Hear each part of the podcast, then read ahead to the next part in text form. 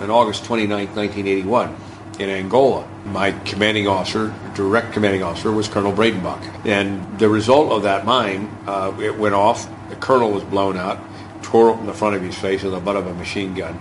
And uh, the driver was blown out. The radio was blown out, and I was blown up.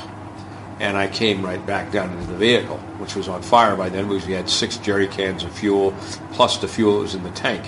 And it all went up. In fact, you couldn't see the vehicle from above it. I don't know how high it went but uh, I went high enough to be above it and feel the heat of hell coming up at me.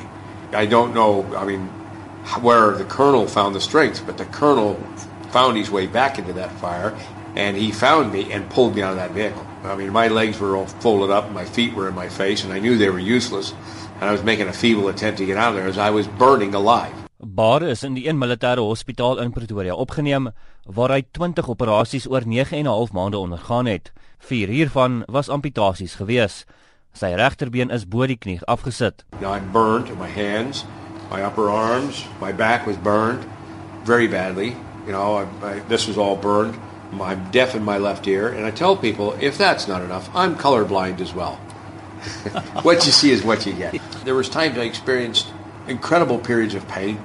Depression, yes, a bit. But it was me that wanted to be in the SADF. That was just part of my occupational hazard. And, and, it, and it got me. So it was never why me God. It is what now God. Hy het daarna weer in Angola geveg voor hy terug huis toe is in die Amerikaanse deelstaat Kalifornië. It was time to go home. I've been 4 years away from my mom and dad. They knew about my right leg. I hadn't had the heart to tell them that I decided to amputate the left as well. I was walking on it. But I knew I would never skydive again. I knew I would never ride a motorcycle. It was going to cripple me. So I made it a conscious decision to cut it off. So I signed the papers and whack, they hit it twice in a week, just before Christmas of 1981. And from then on, it was moving up. Bar en sy pa het sy motorfiets, 'n Harley Davidson, aangepas sodat hy dit sonder bene kon ry. Hy het die fiets vir die eerste keer na die ongeluk in 'n parkeerarea gery en kort daarna die oop pad aangedurf. I wanted to do the things that I did before. That was the whole idea of cutting so off the left leg. Continue with your life as yeah, as best I could. You're only defeated if you if you roll over and say die. You know, so uh, but when I rode, I got up the freeway and I just let go in the throttle, and I was moving at a good rate of speed, and you know, it came to me why that mind had been there, why it was me, because the what now was being answered.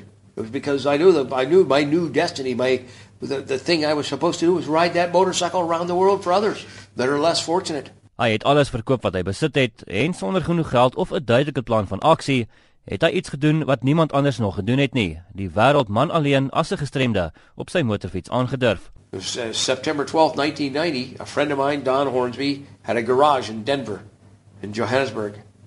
We went down there and opened the doors and turned on the lights, and there sat a machine not owned 18 years. Loaded and looking at me as if to say, boy, it's about to begin. Hy sê hy gee mense slegs die motivering om hul lewens ten volle te lewe. Of hulle sy raad volg, is hulle besluit. I would assume it did. I mean, some people will not be inspired. Some people are victims. They glory in being a victim. There are many people that don't, but they're grasping at straws, especially at the time of a disability or a depression or whatever. I mean, I've had many people tell me, "Gosh, Dave, I, I was down, I was low until I heard you." Now I said, "What? What the heck was? What am I worried about?" I've set an example. If I can do what I've done with 160% disability, there's nothing you can't do. If you really want to, if you're willing to take the hard knocks that are going to come with a major undertaking.